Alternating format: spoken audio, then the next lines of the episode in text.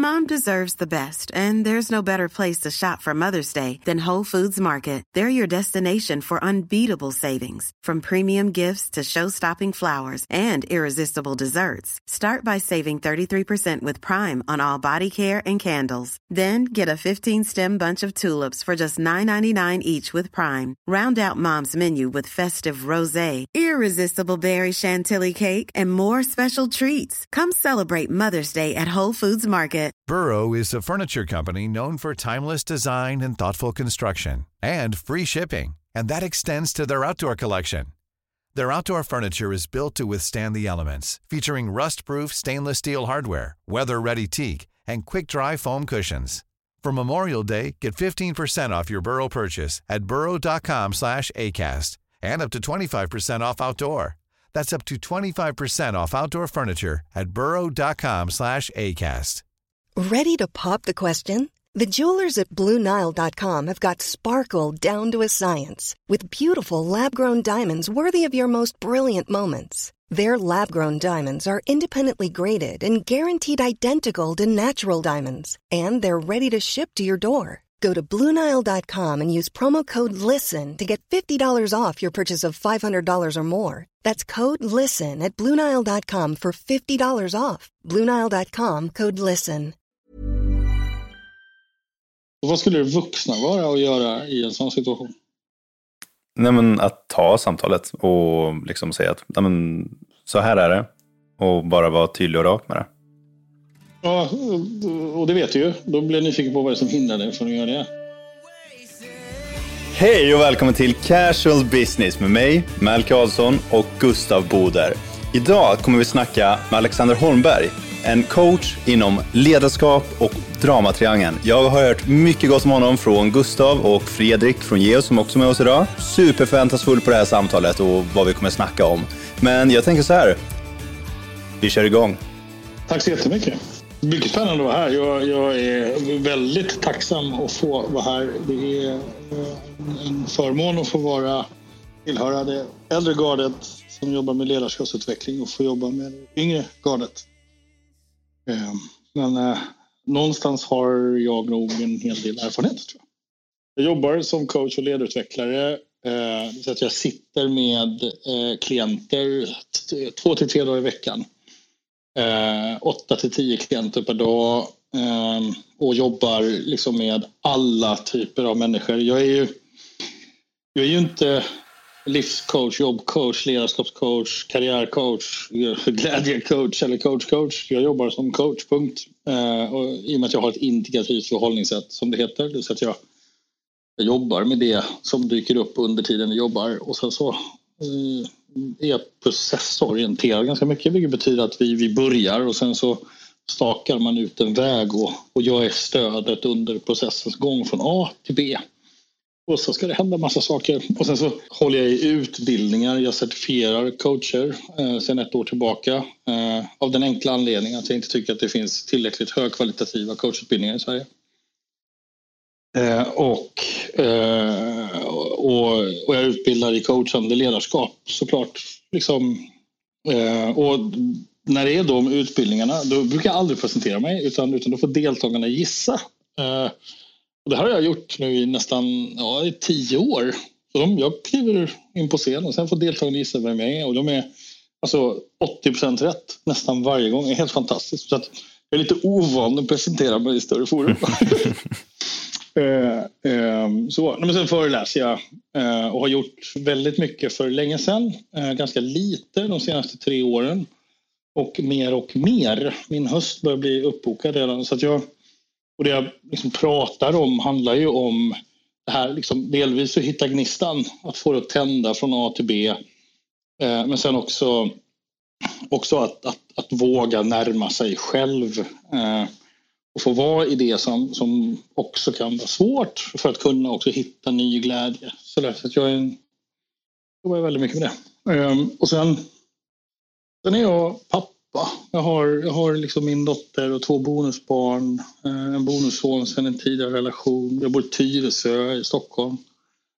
Uh, och så har jag en nybliven hund. En 11 månaders helt jävla tossig hund. en, en coronavalp kan man kalla den. Uh, ja, men det kan man väl.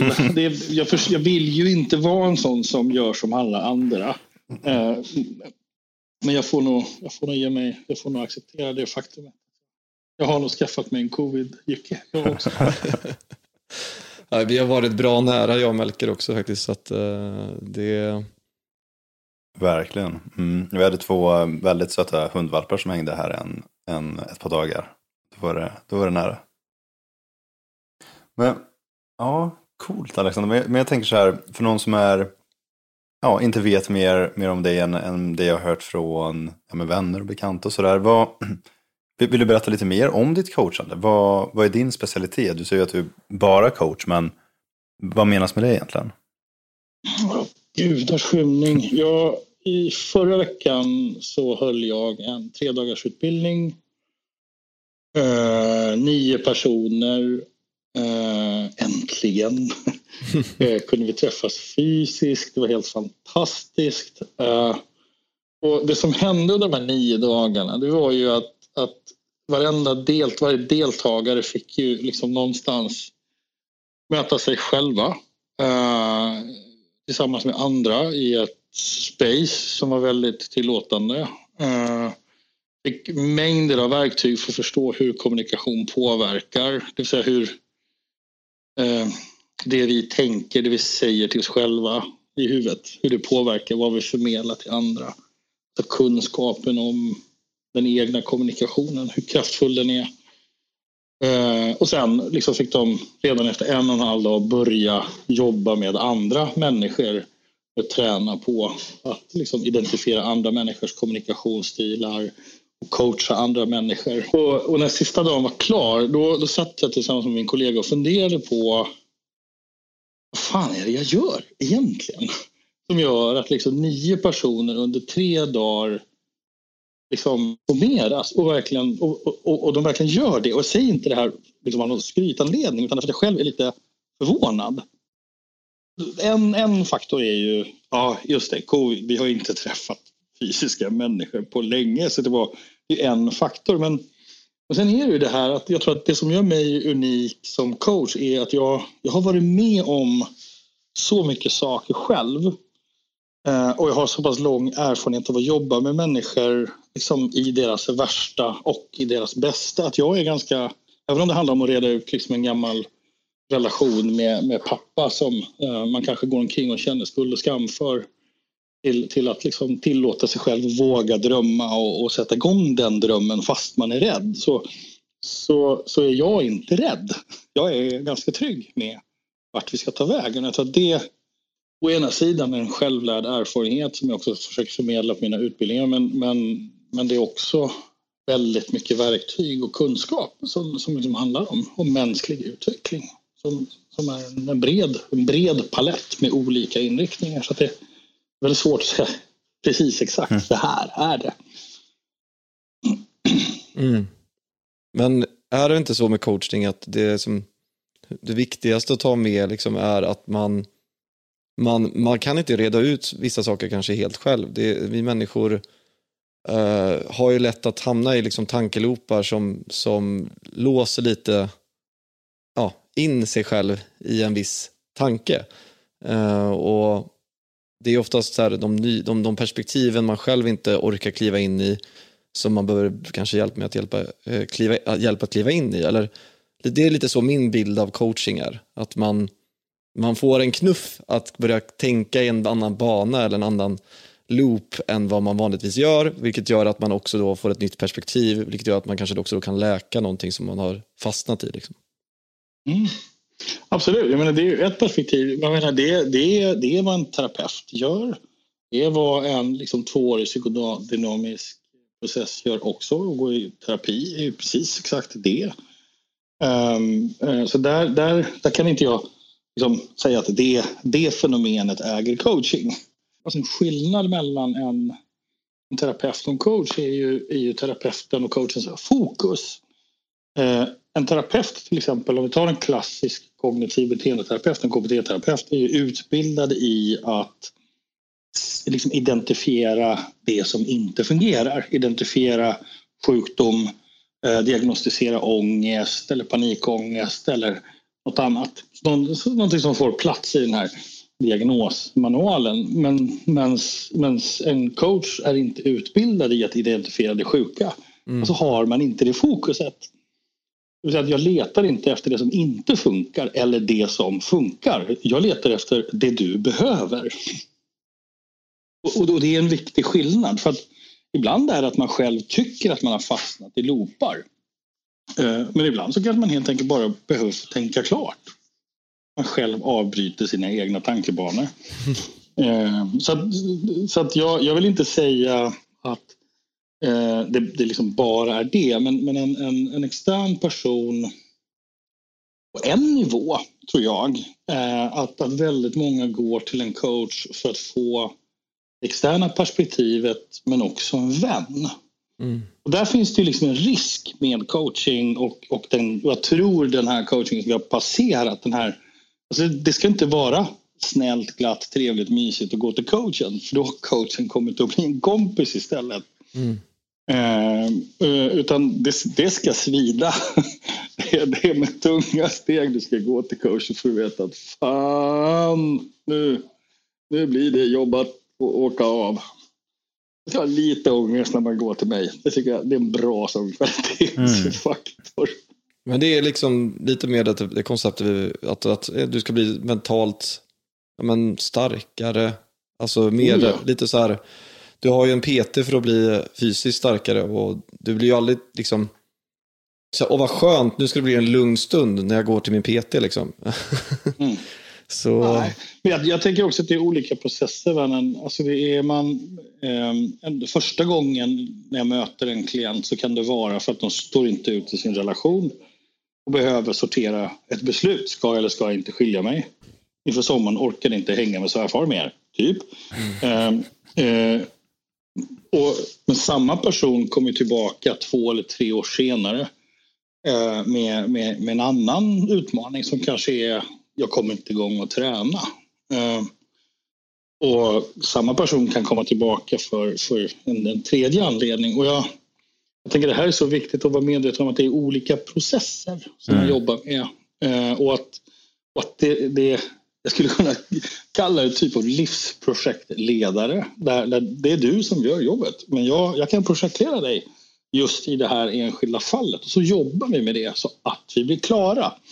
Jag har, jag har väldigt svårt för det här liksom flytande eh, jag ska gå till coachen en gång i månaden bara för att. Det är, det är, eh, man ska bli klar. Man ska jobba färdigt med det som finns där. Och då behöver man också jobba specifikt med utmaningen, beställningen, vad, liksom, vad, det, vad det är som de facto handlar om, det vi behöver jobba med. Coolt, men jag tänker så här.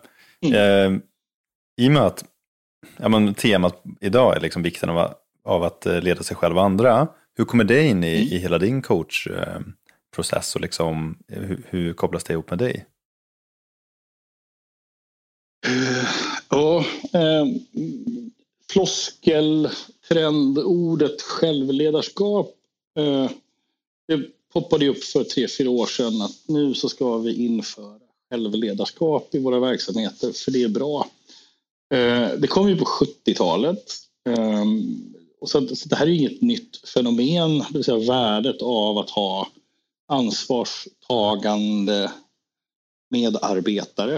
Eh, eller att man är ansvarstagande som en familjerepresentant. Att leda sig själv i sin familj. Eh, men av någon anledning så har det här blivit väldigt på tapeten. Ehm, och, jag tänker att ehm, jag, jag är ju helnykterist. Alltså jag, jag blev helnykter när jag var 23 och fick ju förmånen att liksom vara på behandlingshem, var, gå igenom liksom en, en terapeutisk process, eh, jobba med självhjälpsgrupper. Och så att, alltså otroligt tidigt i, i mitt liv fick jag chansen att upptäcka liksom, hur ansvarsfullt och hur avgörande det är att, att välja att börja ta beslut utifrån vad jag behöver i mitt liv. Inte vad någon annan tycker att jag ska göra. Eh, eller vad någon annan eh, får för sig är bra eller dåligt. Utan, utan att jag faktiskt också vågar lyssna på mina behov. Eh, jag hade ju till exempel en ganska stark röst som sa äh, en bärs till. Mm. Det betyder inte att det är det jag behöver. Just Så, det. så den här för, förmågan att kunna lyssna på sitt eget behov, den fick jag väldigt tidigt. Och, jag, och innan dess så jag har en ganska skön mamma som, som släppte allt och valde för kärlekens skull att lämna Sverige. Så vi, vi hamnar liksom i Bolivia när jag är 13 år gammal. eh, Mm. Och, och får bo liksom i ett u-land, ett fattigt land i tre år. Och, och liksom får ganska snabbt se att, att eh, bara för att jag är vit så betyder inte det att jag har pengar. Bara för att jag liksom är vit betyder inte att jag är bättre eller sämre än någon annan. Och jag fick möta en, en typ av omvänd rasism där, där, där liksom mina vänner i den bolivianska skolan trodde, trodde en massa saker om mig bara för att jag var vit. Eh, och, och, och, hur jag liksom själv väldigt tidigt får ta ansvar för vad är det jag förmedlar eh, och det här att bli medveten om att folk tror någonting om mig bara för att jag råkar ha en hudfärg. Det är otroligt grundläggande för mig när jag är i den åldern. Så, att, så, att, um, um, så det här med liksom betydelsen och vikten och värdet av att liksom leda sig själv, att också vara specifik med det, det kom ju väldigt tidigt för mig. Och jag kan ju se att idag i samhället idag så, så, så finns det liksom det vi jag lyssnade på en fantastiskt bra intervju med den turkiske eh, regissören, han som gjorde den första serien av, alltså den första versionen eh, utav In Treatment. Treatment är ju en, en amerikansk tv-serie som handlar om en terapeut och hans klienter. Men, men det finns alltså en turkisk förlaga och jag lyssnade på han, en intervju med honom där han, han, han liksom hyllade det här att, man, det här att det är okej att gå till terapeuten och jobba med sig själv. Men han förbannade också det därför att det har blivit som en tendens att så fort vi mår lite dåligt då är det som om det är någonting fel på oss. Som om vi måste rättas till. Och, och om jag skulle summera liksom, de liksom 300 senaste coachsamtalen eh, någon månad bakåt så, så, så är det ju precis det här som är problemet. Att vi blir, det är som att vi blir, har blivit rädda för att må dåligt. Vi har blivit rädda för att någon är ledsen. Vi har blivit rädda för att vi möter motstånd. Då måste vi fixa det. Oj, men då passar självledarskap bra. Och, och här, här, här liksom sätter jag upp ett varningens finger. Vi behöver bli bättre på att låta varandra vara de vi är. Och det är ett självledarskap, tänker jag. Ja, bara för att... Nej, men jag, jag kan verkligen hålla med. Att det är... Vi höjer hela tiden, eller vad man säga, sänker nivån för vad som är farligt. Och liksom, sö- vi, vi problemsöker ju, på grund av att vi har så tryggt samhälle nu så blir det att man problemsöker på en lägre nivå. Ehm, Exakt. Och det är alltid Så liksom... vi är på väg att få en regeringskris på grund av diskussion om hyresrätter. Ja. ja, men Ja. lite så är det ju. Och det, men det passar väldigt bra in i det du säger. Att det är så här, vi, vi, jag, jag ser ju en fara med liksom, att skapa den här drömvärlden om att vi kan leva alla i fred och trygghet. Eh, liksom, allt ska vara perfekt. För Mm. vi är inte skapta för det. Vi är skapta för att överleva. Mm. Ehm, så det kommer nog skapas också problem. för att det är problemlösning som är vår högst största skill som människa tror jag. Mm, tror jag också. Och jag tror också att just, just om man tänker vad, vad, som- vad, vad kommer att komma i höst? Liksom nu, så tror jag att nu, det, eh, det har liksom varit ett och ett halvt år där ganska många människor har varit ensamma eh, och mött de här sakerna själva. Eh, och, och jag tycker det är ganska, på, ett, på en nivå är det väldigt bra. Jag tycker jag hör det att det här, liksom, självklart covid hemskt, många har dött fruktansvärt, ingenting som är någonting önskvärt men vi klarar av det. Vi kan mer än vi tror. Jag tänker, om jag skulle beskriva vad coaching är så, så ja exakt, precis det. Vi tror, äh, vi tror att vi kan mycket mindre än vad vi kan och då är det inte att skriva upp en liksom, actionlista på tre punkter vad du ska göra som morgonrutin. Det kan alla göra. Men att sitta kvar i en meditation när du har slutit ögonen och det kommer ångest. Och sitta kvar och låta det vara där. Det är någonting helt annat det. Ja. Utan att springa iväg till coachen eller terapeuten och säga att det är något fel på mig. Utan att liksom kanske inse att Det du säger att man, man, att leva. om vi nu ska kliva in i det, något som, ett verktyg som du har gett till mig som, som har gjort att eh, ja, men jag har kunnat för första gången kunna säga, sätta ord på, eller så här, man, vi människor gillar ju att sätta koncept på saker och ting. För mig var det ett koncept som gjorde mm. att jag fick någon sorts logik till eh, mina problem i livet. Um, det blev ett, mm. ett, jag såg att kunde göra ett mönster. Det blev helt plötsligt liksom en pusselbit som passade in på alla olika situationer som jag inte förstått mig på riktigt. Um, mm, den schweiziska armékniven. exakt. Så uh, det du pratar om är egentligen att man ska inte gå till en coach för att man är ett offer och vill egentligen lägga skulden på någon annan. Eller så här att du, ja men fasken, nu är det något fel på mig och det behöver rättas till så att uh, jag slipper ha det så jobbigt som jag har det. Utan mm.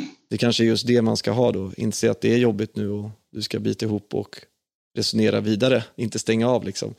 Um... Jag, jag, tänker att går du till en coach eller en terapeut som ska liksom försöka få bort någonting hos dig som egentligen är naturligt, då, då bör du se upp. Exakt. Uh, innan vi går in på dramamodellen tänker jag. Mm. Alltså, uh, går, du, går du till en terapeut, en coach som däremot skapa den trygghet du behöver för att ta dig igenom det svåra. Det är någonting annat. Ja. Så. Um, jag vill bara göra den distinktionen. Um, för det, det, tyvärr är det ganska vanligt att man uh, också får det bekräftat för sig. Till exempel att man, man går till, till någon som uh, uh, tar den här hjälparpositionen och ser dig som en person som, ja men det är klart att du inte kan starta ett nytt företag. Du har ju inte den erfarenheten, stackars dig. Eh, alltså någon som gör dig till ett offer. Eller det, är klart att du har problem med din organisation för du är entreprenör. Du har inte liksom klassisk chefskompetens. Så, så att stackars dig.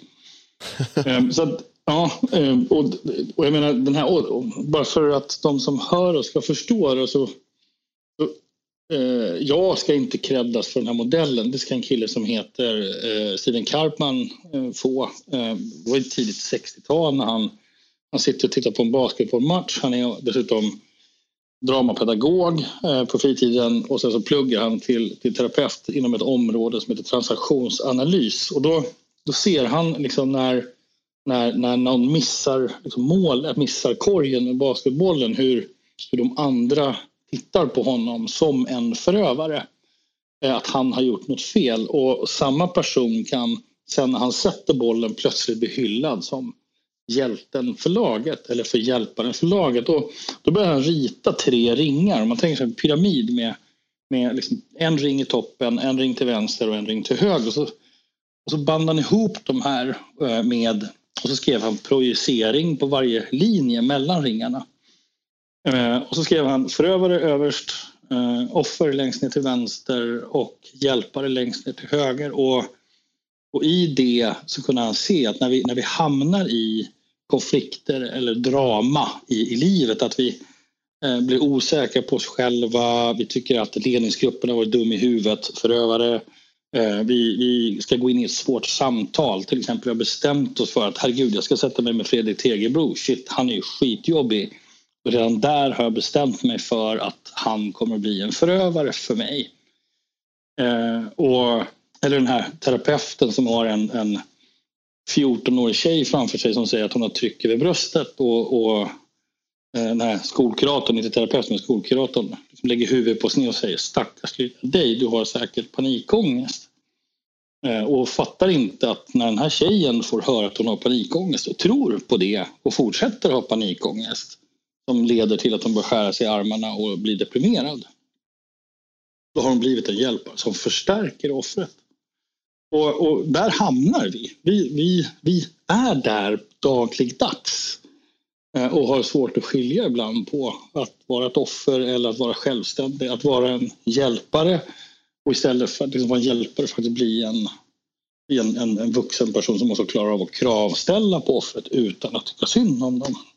Jag kan ge ett jättebra exempel som idag. Jag, en vän till mig har, har, eh, han har haft en tuff relation och, och, de har haft det väldigt jobbigt och väldigt knepigt. Och när han har ringt mig så har han pratat utifrån offerperspektivet. Ja, men han ringer mig och, och beklagar sig för sin relation. Och, och, hade jag lyssnat på det, då hade jag ju bekräftat hans offerroll och då hade jag också bekräftat att hon är en förövare. Och tänk om de sen blir kompisar och blir par igen. Och mm. då blir ju jag deras förövare. Då blir jag en person som inte tycker om henne.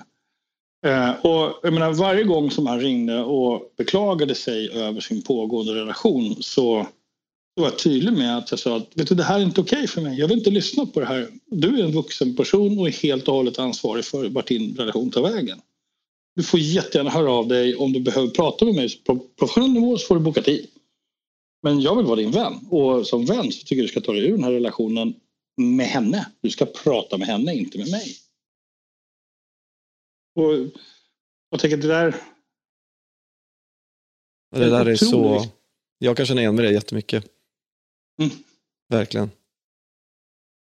Om man då överför det till en slags entreprenörskontext och tänker att hur eh, människor, och du har ju mött väldigt många entreprenörer och är ju mm. själv en sådan. Eh, hur ser det svenska ledarskapet ut och det här hjälpandet som du pratar om, är det någonting som vi tyvärr eh, har byggt in i, i, i många, liksom, i, i, mycket ledarskap och hur ska vi förhålla oss till det här? Eh, tar, fortsätt spåret med dramamodellen. Ja, för det där var ju inte en ledande fråga. Eh, eh, jag skrev en artikel för, jag vet inte om det är 15 eller 16 år sedan eh, i tidningen Chef eh, med rubriken Svensk ledarskap. i kris, Ehm, och varför då? Jo, därför att svenska chefer är livrädda för att bli utpekade som förövare. Att vara den chefen eller ledaren eller entreprenören som gör fel. Ehm, och därför blir vi hjälpare istället. Och, och det här skapar enorma problem där ute. Jag tror att varenda person som lyssnar just nu känner igen sig i att man, man, man vill väl, men det blir fel hur man än gör för att hjälpa den där personen som det är synd om så hittar de på någonting nytt att synda sig om. så att säga. Eh, och, och, och jag tänker, eh, driver man en, en business, eh, jag tror, att, jag tror att väldigt många entreprenörer också driv, kommer från drama. Liksom, nu ska jag generalisera grovt men jag tror att många entreprenörer kommer utifrån ett drama som de själva är uppväxta och som de vill bort ifrån. Jag tror många entreprenörer ser någonting i världen som behöver förändras, någonting man vill någonting annorlunda. Därför blir ofta också entreprenören den här obekväma personen som säger saker som ingen annan har tänkt på och som pekar åt håll som, som ingen annan har tänkt på. Jag menar, det bara gå till sig själv. Vad, vilka tankar har jag tänkt om Elon Musk egentligen när jag först började höra om honom? Trodde jag på honom från början? Eller tyckte jag han var skön? Tyckte jag att han var en dåre? Hur förhöll jag mig till hans entreprenöriella? Liksom, kommer han att lyckas med sina raketer? ja eller nej? Mm. Och, och, och det där är jätteintressant tycker jag. Och, och, och jag, jag tror att de liksom riktigt framgångsrika entreprenörerna det är de som klarar av att, att strunta i dramat. Du får tycka vad du vill om mig. I'm gonna do this anyway. Exakt. Eller hur? Eh, så, så, vill du bli ett offer eller bli min hjälpare eller bli min förövare så rock on, but I'm not gonna be there. Jag tänker inte stå i det. Jag tänker vara självständig. Jag tror att den där, och det är också en drivkraft väldigt många entreprenörer har, alltså längtan till självständighet. Man brukar kalla det för frihet, men jag tror inte det är frihet. Det är fan ingen frihet att vara entreprenör. Eh, men jag tror, men jag tror, jag tror på självständigheten, att, att inte liksom vara beroende. Och, och, det är många som felaktigt tror att det handlar om ekonomiskt oberoende. Men jag tror i grund och botten handlar det om känslomässig självständighet. Att känna sig fri att ta vilka beslut man vill i livet. Ja, verkligen. Mm, ja, men relaterar supermycket till det. Mm. Nej, jag är nästan, nästan så här att det känns att beslutet för att varför jag vill leva entreprenör var för jag insåg att jag är nog oförmögen till att eh, ekonomiskt bli fri på något annat sätt. Eh, så därför så hitta ett sätt att kunna leva eh, på, på, ett sätt som passar med mig och som kan, faktiskt kan gynna mig då ekonomiskt genom att då ja, utvecklas och använda det jag brinner för istället. Så, mm. och, va, det, nu pratar jag bara om ekonomiska vinkeln där, men det, det, blir för mig då inte det ekonomiska som är fokuset, utan tvärtom. Att jag lägger Mm. allt annat som fokus och så blir resultatet kanske ett ekonomiskt resultat också på, på vägen, Ja. eller som en bonus. Liksom. Exakt. Mm. Men, men jag tänker så här, en liten följdfråga på detta då. Om nu, för jag kan tänka mig att många som lyssnar och jag själv då bygger, bygger bolag och eh, bygger upp team. Vad, vad, vad ska man tänka på då? Alltså hur man förhåller sig som, som ledare till ett team i upp, uppbyggnadsfas. Eh, som ledare, om du ska eh, Eh, starta en verksamhet, du, du börjar rekrytera, du ska ha ett team. Då, då, då ska du skaffa dig ledarkompetens. Eh, genom att ha ledarmentor. Du ska inte vara ensam, du ska söka upp andra som till exempel i ett geosnätverk så att du inte går omkring och tror att dina problem är unika. Eh, utan de är väldigt generella. Alla har vi sagt upp någon. Alla har vi rekryterat fel. Alla har vi hamnat i svåra samtal liksom som, där, där det har gått käpprätt åt ett håll. Liksom. Så, så liksom, var inte ensam. Eh, lär dig de verktygen. Alltså, det är ganska intressant att man, man, eh, man fort, fortfarande så ser man ju faktiskt ledarskapsutbildning som en förmån. Det, det, det är helt stört. Eh, Jag hör det argumentet varje vecka. Ja, nej, tyvärr, jag får inte gå den här kursen steg ett i coachande ledarskap. För, eh, för, men nästa år får jag gå för då, då har jag det i min budget som en del av min förmån. Och, och jag menar, eh, självklart ska man utbilda sig i kommunikation och ledarskap på olika sätt. Eh, man ska veta hur en hur team utvecklas över tid. För då slipper man göra de här misstagen. Eh, Samtidigt så ska man ju göra dem eh, för att verkligen lära sig. Men man, kan man minska mänskligt lidande så tänker jag då ska man nog lyssna på det. Eh, Sen jag, jag jobbar ju med många andra tekniker också som till exempel eh, kommunikationsstilar. Att vi alla har olika sätt att kommunicera på. Bara vetskapen om det att när jag, när jag bygger ett team och att jag vet att mitt team kommer att bestå av olika människor som kommunicerar på olika sätt som har olika behov av att förstå det jag säger. Alltså, det, och det betyder ju faktiskt inte att jag ska anpassa mitt ledarskap. Jag ska ju vara den jag är och inte avvika från det. Men jag behöver anpassa min kommunikation. Så att du också förstår vad det är jag säger. Och det är två helt olika saker. Och, och just den här förmågan att kunna att säga samma sak på många olika sätt. Det tror jag det kommer vi bli varse kommande år. För jag tror att det här, den här skillnaden börjar vi förstå. Det, det finns en spännande parallell med det där med å ena sidan självledarskapet. Det vill säga att jag behöver vara mer av den jag är och stå för det och framför allt i mitt ledarskap. Men sen också att, att förstå att jag behöver anpassa mitt sätt att säga det jag säger. Alltså att börja sluta anpassa den jag är för att göra andra nöjda. Utan det är faktiskt det jag säger som behöver anpassas. Um, så. Och sen ska du ha koll på dramamodellen. um, och veta att du kommer att möta offer eh, som vill att du ska tycka synd om dem. Du kommer att möta förövare som tycker att de har blivit orättvist behandlade. Du kommer att möta hjälpare som ser andra offer i organisationen. Och det där behöver du liksom hantera med, med ett coachande förhållningssätt och, och rak, tydlig, ärlig, kärleksfull liksom, eh, mod. Rakt in och ta de här samtalen, diskussionerna som man behöver ta. Eh, och framförallt när man startar nytt. Eh, Mm, intressant.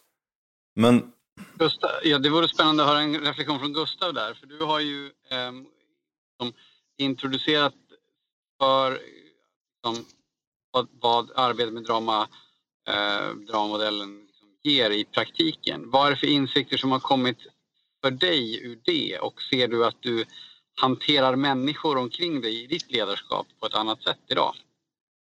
Alltså det är en ständig fight. Um, nu har jag på den senaste dagen här haft eh, en väldigt eh, säga, organisatorisk tillökning med flertalet personer som har börjat på vårt bolag, eh, som jag har varit en del av rekryteringsprocessen och en del av introduktionsprocessen. och mm, som jag också delegerar nu till eh, löpande många gånger. Och den, mest här, den vanligaste grejen jag tycker är en början av en process liksom nu när man börjar jobba med nya människor i en organisation är ofta som de söker liksom bekräftelse, de söker oftast eh, liksom en sign-off på allt de gör och eh, att de är rädda för att göra fel. Så man får jobba väldigt mycket med att eh, säga, liksom för, inte förminska sig själv, men mer få dem att känna sig bekväma med att själva göra fel eller inte känna att de måste vara perfekta hela tiden. Då de gärna sätter mig på en pedestal. Um, till exempel, jag hade ett uppstartsmöte för ett projekt som jag ville delegera till en person som har bara precis börjat hos oss. Och det är ett ganska stort projekt, ganska utmanande projekt, men jag ville testa liksom för att se vad som händer. Och ge det ansvaret ganska snabbt liksom, i, i uppstarten. Att nu ska du leda det här tillsammans med självklart så stöd från den här personen som har jobbat med det här också.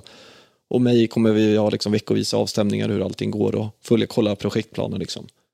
Um, så gick vi igenom allting. Då satt vi hela, när vi skopade hela det projektet, så satt jag och delade skärm och skrev uh, en engelsk så här, utzoomad spes. Och så skrev jag liksom meningar och stött, Och jag är tusen gånger bättre på att prata engelska än att stava engelska. Um, så då satt jag och stavade fel och bad henne om hjälp eh, inför, uh, inför in, i hela den processen. Så hon kände att ja, men jag kunde också göra fel och det var ingen fara med det. Liksom. Vad som hände dock som var lite intressant direkt efter jag gjorde det, den här introduktionen var att den kollegan som skulle stötta henne i det här projektet um, precis när jag sagt att du får, det här är liksom eh, grejerna vi ska få igenom, det här vad ska vi göra och nu kör vi liksom, vi, vi, så följer vi upp det här om en vecka och det är du som det är du som tar beslut hur vi ska göra det här framåt och sätta skopet och sätta, liksom, säga om det är rimligt att vi kommer nå den här deadlinen. Eh, det gick bara liksom någon minut så hade jag möte med samma eh, kollega mötet efter som, som eh, var med i mötet då. Ehm, med den här uppstarten med den nya personen. Och då hör jag i det nya mötet, då det här digitalt möte, men han satt fysiskt bredvid henne som hade precis varit med i det andra mötet. Och då liksom mitt i det andra mötet så började han direkt eh, tipsa henne om saker. Eller så här, men du kan göra så här och så här och så här, konkreta tips liksom om vad, han, om vad hon skulle göra. Um, och då var det ju liksom väldigt tydligt att han är en superhärlig person, väldigt hjälpsam, men där var han ju liksom hjälpare. Han klev in innan hon ens hade börjat försöka springa med projektet in och försökte hjälpa henne. Um, mm. Och då klev jag in och sa att um, nu måste vi äh, gänget här steppa upp som ledare. Vi har nya personer här som behöver komma in. Jag måste kämpa hela tiden med att liksom inte lägga mig i vad som händer till vardags. Så jag litar 100% på er vad ni gör.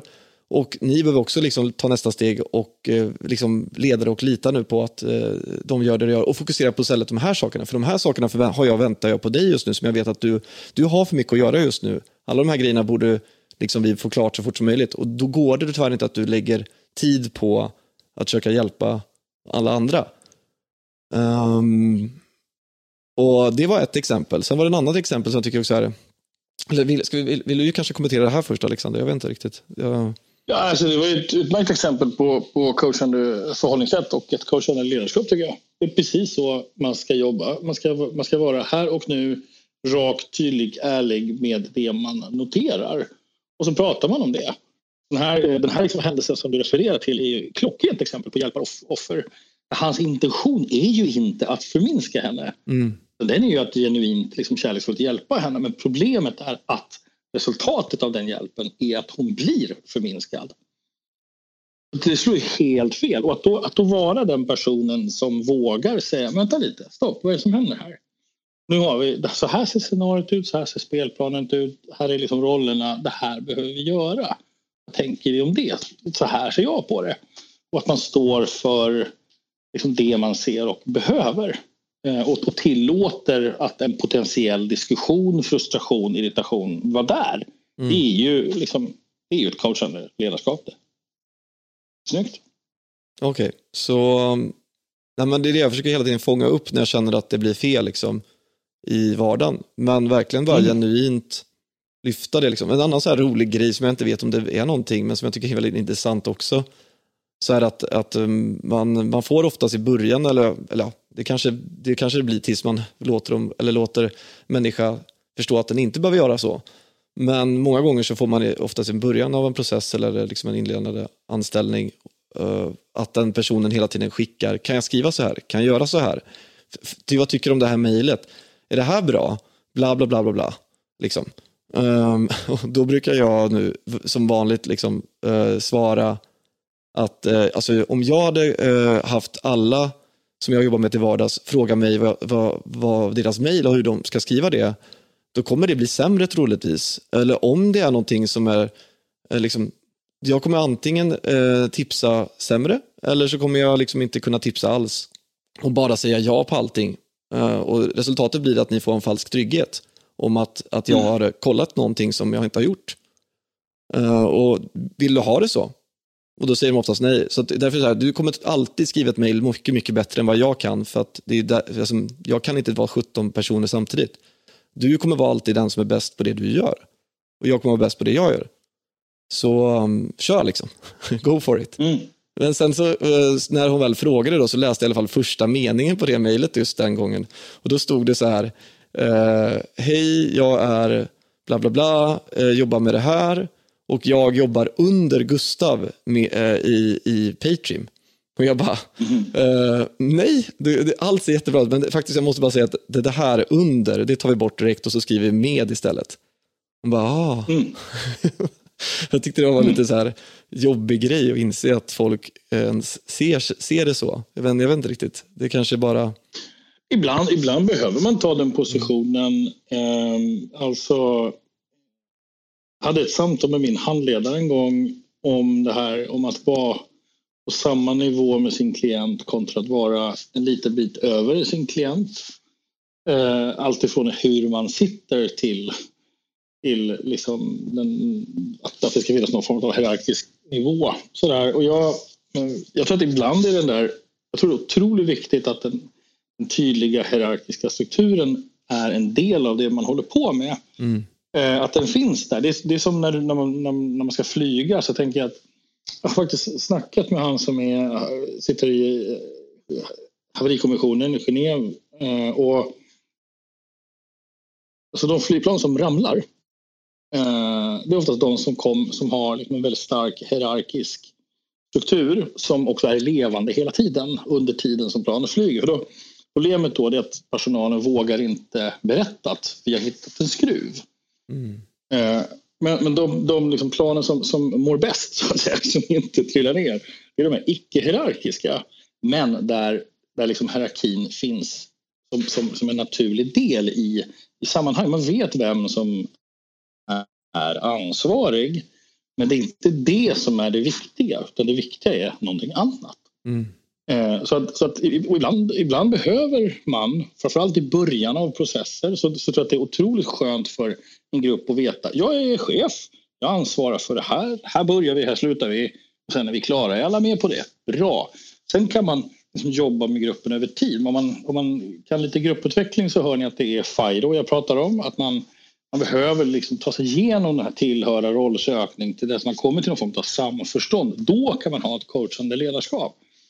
Men, men så, så den, här, den tydliga eh, ledaren är ju jätteviktig och jag tänker det är väldigt många som inte vågar vara den personen utan man, man, man fegar ur där. Eh, och, och, och, jag tror det, det, är, det är viktigt att ta den platsen framför allt i början av ett projekt.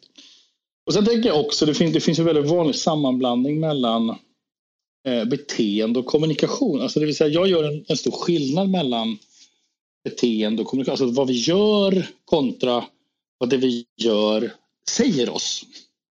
Det är, det är någonting annat. Alltså min tolkning av det du gör, om jag är i drama med dig och ifall jag tycker att du är en förövare, då kommer min tolkning av ditt beteende bli en del av min kommunikationsprocess. Jag, därför tror jag det är så otroligt viktigt att man gör precis som du sa i, i det här exemplet. Att, att eh, mm, allting är toppen i mejlet men i det här fallet vill jag att vi ska vara med tillsammans med varandra. Att jag är ovan dig. Och det du säger då, det är att jag är ovan dig. Det är jag som bestämmer det här. Mm. Utan, utan att göra den till en hierarkisk struktur som hon, hon eller han måste vara medveten ja. Snyggt, ja. Mm. Ja, det är intressant för Det, det, det, det håller jag helt med om, att det är oundvikligt att säga att det inte finns någon sorts hierarkisk struktur eh, i ett bolag, för det gör det ju. Eh, jag har landat ganska hårt i det, att det, det är så det är. Och ofta så är det Mm. en mindre klick än vad man, vad man trodde innan liksom, jag började bygga Mm. en större organisation. Ehm, Jag menar, men- men Gustav, alltså på riktigt, jag tänker alla ni som lyssnar, alltså det är bara att gå tillbaka till er själva. De, vilka ledare är det som du har respekterat, som du har känt dig tillitsfull med, känt närvaro, trygghet, utveckling? Ja, men det är de som har varit tydliga. Och som har vågat säga ja, nej. Mm. Men de här som liksom geggar ihop det så att det blir rörigt, det är de det är inte de vi kommer ihåg, eller hur? Nej. Nej, verkligen inte. Och det blir ju så himla ångestladdat nästan till slut. För att man, man vill ju bara veta vad, hur, ska, hur ska jag förhålla mig till det här. Mm. Ehm, nej, så jag har nästan, eh, på din fråga så har jag faktiskt inte, har inte så många praktiska förebilder. Som ska praktiska förebilder är att jag har jobbat med många kanske bra ledare i st- större organisationer. Det är väl en stor anledning att jag inte varit anställd mer än ett år i mitt liv. Men uh, Men verkligen, det, eh, det, är, det är intressant. För man kan ju bara alltid bara vända på det. Jag har upplevt, tror jag, väldigt dåligt ledarskap i de, Exakt de sammanhangen jag har jobbat i tidigare. Och där var ju verkligen avsaknaden av en trygg ledare. Något som saknades. Men det är ju ständig utveckling hela tiden, det märker man ju. Alltså det, är, det är en grej som säger, jag vill också bara skicka med att i alla de här grejerna som händer just nu, eh, som till vardags i mitt liv, så är det ju alltid ett val jag måste ta. Alltså så här, eller alltid ett aktivt Eh, medvetande jag måste jobba för. För om jag slappnar av så är jag fortfarande min, vad ska man säga, det, det finns liksom eh, en schizofreni nästan i mig i att man, man har det gamla versus det nya mindsetet. Eller den nya personligheten versus den gamla. Och den gamla kanske man kan kalla då den som jag hade när jag var gick i skolan eller levde hemma hos mina föräldrar. och liksom det, det är en, en, ett flockbeteende som jag gärna faller tillbaka till om jag inte är fokuserar på att vara mitt nya jag. Och det är ju direkt skadligt för min organisation också. Så att det blir ju hela tiden man måste påminna sig själv att oj, nu behöver jag inte liksom känna att jag behöver liksom hjälpa eller plisa folk. Eller jag, jag ska inte liksom, jag är okej den jag är, jag behöver inte jag behöver inte ha massa cred. Jag, de, de, kommer, de, alltså de, flesta, eller de flesta uppskattar mig, de som inte gör det, det är okej. Okay. Jag behöver liksom Mm. inte gå runt och noja mig. Jag behöver inte gå runt och göra mig till. Jag ska vara 100% genuin den jag är och så kör jag på det. Men jag måste påminna mig varje dag alltså. Mm, så är det Och sen plötsligt en vacker dag så helt plötsligt syns det att nu har det gått en vecka. Du har inte behövt påminna dig varje dag. Utan där sitter. Det kanske är så. Då, då, då, Ja, jag menar, då är det flera steg kvar då. Mm, för då har du någonting annat att du fokuserar på varje dag, jag lovar. Ja, jo, det gör jag också. Så det är mycket som går på Mm. autopilot, absolut. Men vissa sitter Mm. sammanhang man, man, man känner att oj, nu, vad håller jag på med nu? Vad känner jag nu? Ja. Strunta Ja. i det. Liksom. Jag menar, jag, jag själv, jag kan den här modellen. Jag fick den när jag var 23. Jag jobbar med den hela mitt liv. Jag kommer få fortsätta jobba med den hela mitt Ja. liv. Just den här att, att komma ihåg att jag, att jag är viktig i mitt liv också. Eh, Det är så lätt att glida iväg och låta andra ta över. Mm. Men tack vare att jag också jobbar med samtal så mycket så, så blir det en, en naturlig påminnelse för mig. Mm. Varje klient som kommer ser sig själva som offer eller förövare. Ehm, och vill ha mig som hjälpare. Så att de får det lite tufft i början. Hjälp. Ja, det är en utmaning alltså. För Ja. det, för det var ju det vi tar tillbaka till det där snacket vi hade innan just att här, det måste ju vara jättejobbigt att det, det första steget måste ju alltid vara att få människor att inse att de sitter på problemet själv. Eller liksom, Ja. och lösningen. Att så här, Jo. man vill ju gärna delegera bort sina problem till någon annan. Ja, men du, nu har jag mina problem, kan inte du ta hand om dem så kan jag gå vidare till, ja, så kan jag fortsätta leva mitt liv liksom. Mm. Är, det, är, det- är, det, det, det, är det det som blir när man är då ett offer liksom bara kommer, "Nej, men här, ta mina grejer nu så drar jag vidare liksom. Eller? Ja, alltså, så här är det. Jag håller på att skriva en bok eh, som, som, som kommer att eh, åka iväg till förlaget i, i början av augusti eh, som, som heter de, som kommer handla om nio principer för självledarskap. Eh, där, där vi precis har pratat om den första principen att, att, att eh, ska man göra någonting överhuvudtaget så måste jag också inse vad, vad i det är det jag är ansvar, ansvarig för. Alltså vad, vad, är mitt egna ansvar? Och att jag inser att det här är ett dagligt beslut. Den första principen är att, är att vi, vi, måste förstå att vi har ett eget ansvar eh, och, och, att, och, att, vi också måste agera utifrån det beslutet varje dag. Mm. Mm. Bara den är ju tuff. Det är många gånger man mm. vill peka på någon annan. Alltså mm. rent instinktivt liksom. Så tycker man oftast när man är som mest frustrerad så glömmer man det. Liksom. Mm, non-ananism. Ja, exakt. Jag minns en sak, eh, jag minns en sak Gustav, också från ett tidigare samtal där, um, som handlade om att delegera. Och uh, jag minns det lite grann som att, att uh, du har blivit väldigt uppmärksam på faktum att när du väl har delegerat en uppgift, eh, aldrig vilja eh, liksom, gå tillbaka om personen kommer och säger och ber om hjälp att få tittat på den så är det som att du också tar tillbaka ansvaret ifall uppgiften inte liksom, löper ut som, som tänkt. Och att det är eh, också en, en del av, av ledarskapet att inte sitta och hela tiden känna att man ska ha koll på vad alla gör och signa av allt som görs utan att trycka ner eh, både utförandet men också ansvaret för att, för att uppgiften sen blir, eh, blir gjord på, i tid och på ett, på ett gott sätt. Um, jag vet inte om jag riktigt fångar det du, det du sa, jag vet inte om du minns den konversationen men jag tror att vi hade pratat lite grann om, om just draman också. Um, minns du det här och vad, vad, vad tänker du på när jag drar upp den gamla tråden? Ja, nej men eh, Nej, men det är väl det med att, att man, man lätt vill, uh, man tror att i början när man inte har, man har inte gått någon ledarskapsutbildning, man har inte drivit, liksom, man har inte varit ansvarig chef eller man har inte fått liksom, någon förebild inom det. Så kastas man in som entreprenör och anställer folk för första gången och så händer det oftast det som man tror då är det som ska hända. Att de hela tiden ber om hjälp eller de hela tiden liksom vill ha en bekräftelse att är det här eh, rätt eller bra eller okej okay, eller funkar det här liksom? Och det gäller att hitta, tycker jag, system för där inte det blir till en vana.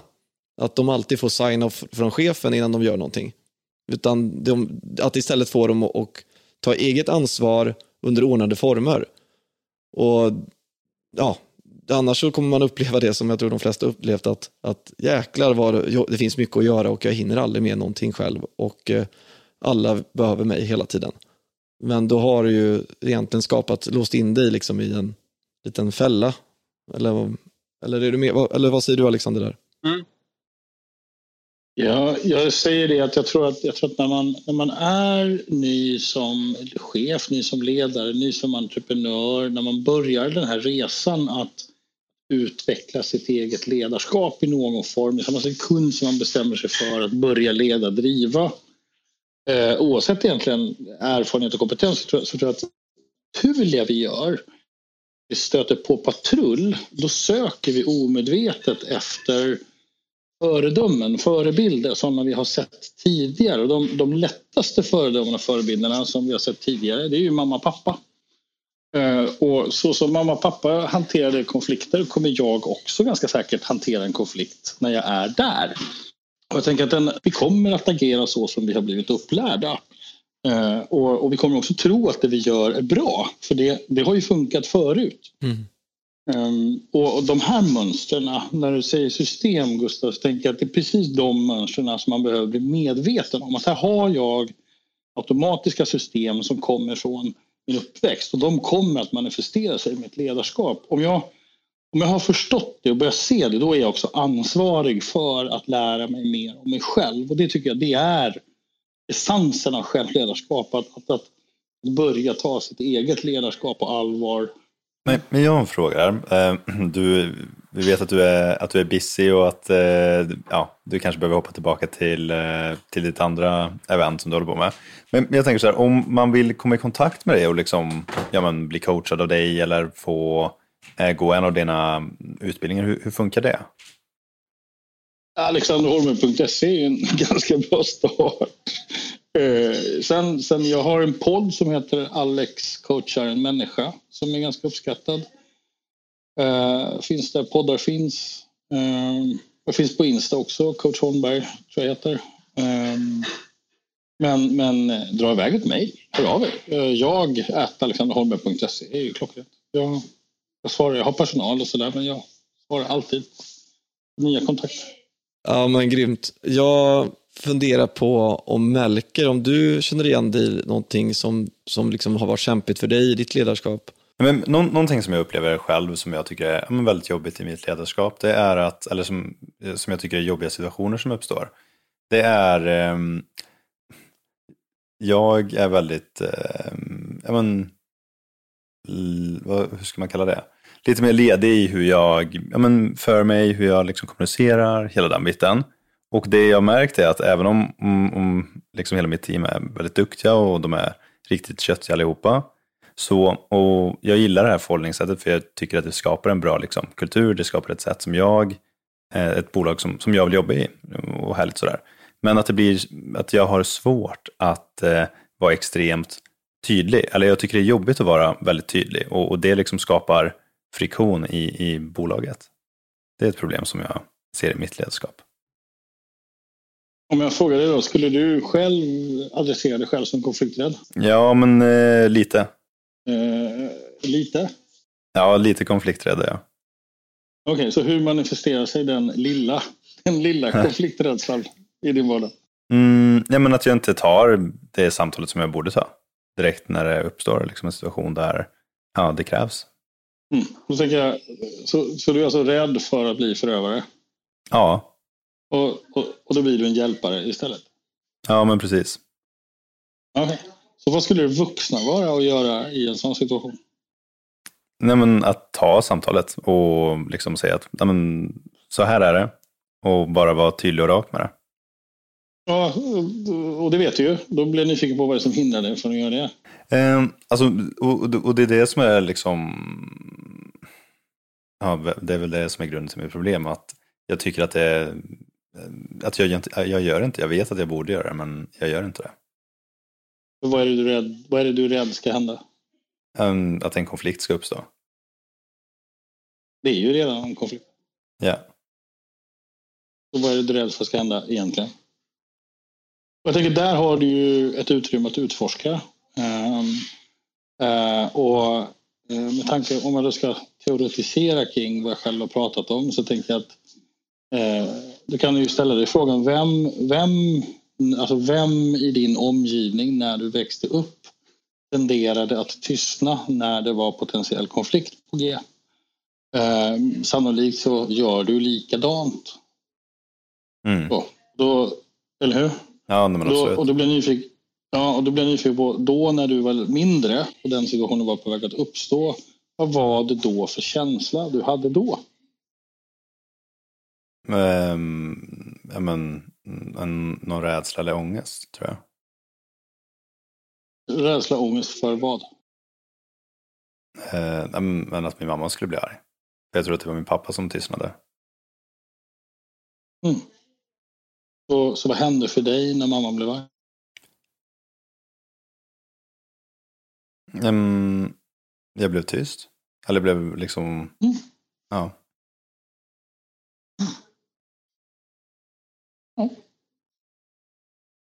Och nu vill inte jag peta mer, Melker. Uh, välkommen till alexanderholmberg.se boka. Nej, förlåt.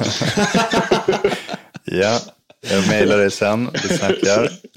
Let's talk. Men om man ska bara... Men vad, jag, vad, jag, vad, jag, vad, jag, vill säga med det, Melker, är, är att jag, jag, vill, jag vill bara förmedla all respekt för att när vi ser de här sakerna i vår vardag, i vårt ledarskap, så är det ju vi kanske inte kan, orkar, ska ta i konflikträdslan, det stora dilemmat, gå tillbaka, terapeuta och så. Men att, jag var medveten om att aha, okej, okay, just nu reagerar jag precis som jag gjorde när jag var nio hemma vid köksbordet.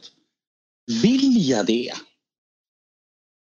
Att ta ansvar för den tanken och, och, och, försöka leta rätt på ett nytt beslut. Alltså hur skulle du vilja vara istället? Det är frånvaron av den tydligheten, eftersom du inte vet det, eftersom det inte är klart och tydligt och tryggt för dig hur du skulle vilja vara istället, så blir det automatiskt att man blir där man känner igen sig. Hmm. Men är det inte att man... Så... Att man, alltså när jag bara funderar på, ja, jag själv har en liknande beskrivning av hur, liksom, men jag har ju inte valt tystnaden. Vad, det är bara för mig var, var en jäkligt intressant vinkel att jag... Vi jag... har olika strategier. Ja. Och just de här olikheterna hos varandra är ju också att vi faktiskt är olika, förhåller oss olika. Att, att det är inget fel mm. på oss att vi agerar olika. Men kan vi unna oss att vara nyfikna på vad händer när de här situationerna uppstår? Hur gör vi? Och, och att man liksom tittar, okej, okay, shit, jag tystnar. Eller, eller jag blir mer engagerad eller vad det nu är för någonting som mm. poppar upp. Att då liksom ta det här beslutet, vill jag fortsätta med det här eller vill jag göra någonting annat? Eh, Kjell Enhager, föreläsare, brukar prata om skillnaden som är skillnaden. Det säger inte så mycket men, men det här gör det. Att, att, att faktiskt liksom definiera det här är någonting som uppstår som jag inte tycker om. Och att jag då också har ett ansvar att definiera ja, men vad är det då jag behöver istället. Istället för att vara tyst Melker, vad behöver du då? Och du kanske behöver ta det där snacket direkt. Okej, okay, vad skulle hända då? Mm. Är det inte det som är man rädd för? i det lilla. Är det inte det som är, kan det också vara. är inte det man är rädd för? Liksom konsekvensen av, av uh, de sakerna? Alltså, vad, vad Så kan det såklart också vara. Mm. Alexanderholmberg.se mm. Snedstreck boken. Grymt. Uh, ja, men du Alexander, ta tack, tack för den. Jag, jag hör av mig. Vi hörs på, på mail. du är varmt välkommen Melker. Ja, alltså ni är helt underbara. Casual Business regerar. Fortsätt med det här. Jag är gärna med fler gånger. Ni är underbara. Tack för att jag fick vara med på det här. Det här var jättehärligt. Ja, men tack, tack för att du var med. Grymt. Tack så hjärtligt. Ja, men det här var härligt tycker jag. Vad känner du Fredrik? Men det är, det är alltid så uppfriskande när man börjar på något vis rota i sig själv. Det är modigt märker just men att lyfta en sak. På ytan så bär vi ju alla på små saker men som ofta har ganska djupa, eh, som en djup bakgrund och som, som vi kommer in på att det det finns otroligt mycket i sättet vi lever och väljer att leva som också pekar tillbaks på den uppväxtmiljö vi hade och den relation som vi har till våra föräldrar. Och att, att, att göra den resan och börja närma sig vad, vad man egentligen har gått igenom i sin uppväxt, det är fasen alltså. Det är, det är, det är starkt. Det, det är mm. tunga saker eh, att, att grotta i. Eh, och jag tror att det är väl som entreprenör så har du ju en, det är ju en, som jag brukar säga, men det, som, ska bolaget kunna göra en yttre resa så måste man själv som ledare vara beredd på att göra en inre resa. För att du kommer aldrig kunna växa ett bolag om du inte är beredd att växa själv. Man kommer behöva hantera så mycket situationer längs vägen som kräver att man vågar bli modigare och liksom träna det modet. För det är ju också en muskel att våga ta samtal man kanske tycker känns jobbiga. För det finns saker som påminner en om annat som man inte kanske ser. Men att just det här att pusha sig själv i sig själv som människa för att också kunna leda andra och vara, vara den visionären som folk vill, vill hänga med. Ja men klockrent. Då tycker jag att vi rundar av för idag. Ja, absolut. Ja, men, eh, superintressant samtal liksom. Och, ja, kul att ha med er på det. Tack för att du har lyssnat! Och vill du höra mer och få fler insikter så stay tuned. Vi släpper alltid nya avsnitt den 10, 20 och 30. Du hittar mer från oss på Youtube och Instagram under namnet Casual Business. Och om du vill få fler insikter så rekommenderar jag starkt att kolla på våra vloggar från Weekends och djupgående intervjuer med några av Sveriges främsta entreprenörer. Vill du delta i diskussioner och höra de ofiltrerade tankarna från några av Sveriges främsta entreprenörer? Så join oss live på Clubhouse den 10, 20 och 30. Vi hörs och stort lycka till på din resa!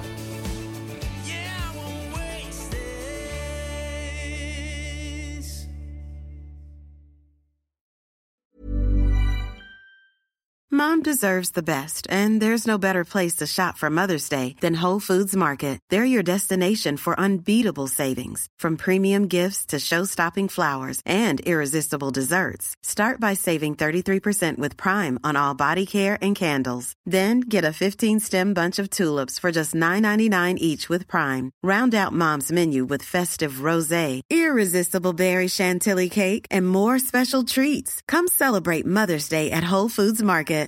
Want flexibility? Take yoga. Want flexibility with your health insurance? Check out United Healthcare Insurance Plans. Underwritten by Golden Rule Insurance Company, they offer flexible, budget friendly medical, dental, and vision coverage that may be right for you. More at uh1.com. Mom deserves the best, and there's no better place to shop for Mother's Day than Whole Foods Market. They're your destination for unbeatable savings, from premium gifts to show-stopping flowers and irresistible desserts. Start by saving 33% with Prime on all body care and candles. Then get a 15-stem bunch of tulips for just $9.99 each with Prime. Round out Mom's menu with festive rosé, irresistible berry chantilly cake, and more special treats. Come celebrate Mother's Day at Whole Foods Market.